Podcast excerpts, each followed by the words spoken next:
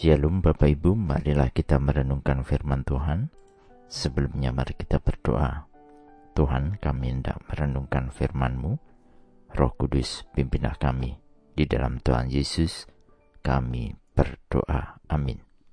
Bacaan saat ini diambil dari Yakobus 2 ayat 5. Yakobus 2 ayat 5. Dengarkanlah, hai saudara-saudara yang kukasihi Bukankah Allah memilih orang-orang yang dianggap miskin oleh dunia ini untuk menjadi kaya dalam iman dan menjadi ahli waris kerajaan yang telah dijanjikannya kepada siapa yang mengasihi Dia?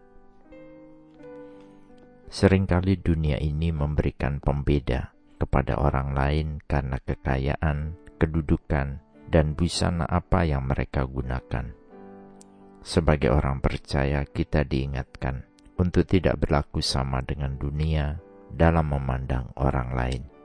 Kita tidak boleh menjadi hakim dan menghakimi orang lain karena perbedaan-perbedaan tersebut. Yakobus dalam bacaan saat ini mengingatkan kita bahwa apa yang kita pandang rendah belum tentu benar di hadapan Allah, seperti halnya kita memandang orang yang dianggap miskin oleh dunia, tetapi kaya dalam iman. Standar dunia adalah apa yang nampak, yang menjadikan kehadirannya menjadi perhitungan.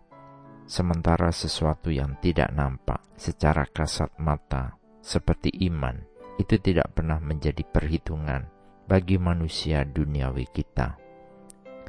Sebagai umat yang percaya, kita diingatkan untuk memberlakukan kasih dalam kehidupan kita untuk sesama kita. Bukankah kita diajarkan tentang hukum kasih yang diajarkan Kristus seperti dalam bacaan Matius 22 ayat 37 hingga 40. Jawab Yesus kepadanya, Kasihilah Tuhan Allahmu dengan segenap hatimu dan dengan segenap jiwamu dan dengan segenap akal budimu Itulah hukum yang terutama dan yang pertama. Dan hukum yang kedua yang sama dengan itu ialah kasihilah sesamamu manusia seperti dirimu sendiri. Pada kedua hukum inilah tergantung seluruh hukum Taurat dan kitab para nabi. Setiap kita diundang untuk semakin menyerupai kasih Kristus dalam kehidupan kita, khususnya dalam memandang sesama kita, juga dalam hal mengasihi, baik mengasihi Tuhan dan mengasihi sesama. Janganlah kita lupa bahwa kita pun dilayakkan, bukanlah karena kita layak. Kita dahulu miskin dalam iman karena dosa-dosa kita, yang kemudian Allah menyelamatkan kita, serta menghapus salah dan dosa kita itu semata karena kasihnya kepada kita. Kita tidak dipandang hina, yang selayaknya kita ini hina karena jauh dari standar Allah. Allah yang maha kaya menjadikan kita layak dan memperoleh kasih karunia-Nya. Jika saat ini kita telah dilayakkan dan menjadi umat percaya karena kasih karunia Tuhan, maka kita diundang juga meneladani kasih dan cara pandang, seperti halnya Allah memandang hidup kita. Iman percaya memang tidak terlihat, tetapi kita bisa menampakkan dalam tingkah laku perbuatan, tutur kata, dan penampilan kita.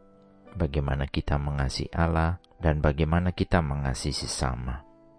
Ketika kita terus diubah menjadi serupa yang Tuhan mau, maka kita pun akan semakin bertindak dan berbuat meneladani iman yang benar di dalam Tuhan, khususnya dalam mengasihi dan memandang sesama kita. Amin. Mari kita berdoa. Bapa Surgawi, terima kasih untuk keselamatan yang kami peroleh karena kasih Tuhan. Ajari kami terus untuk tidak memandang muka atas sesama kami, Jadikan diri kami pribadi yang rendah hati di hadapan Tuhan, yang memandang sesama kami dengan kasih Tuhan. Terpujilah Engkau senantiasa ya Tuhan, di dalam Tuhan Yesus kami berdoa dan memohon. Amin. Tuhan Yesus memberkati. Shalom.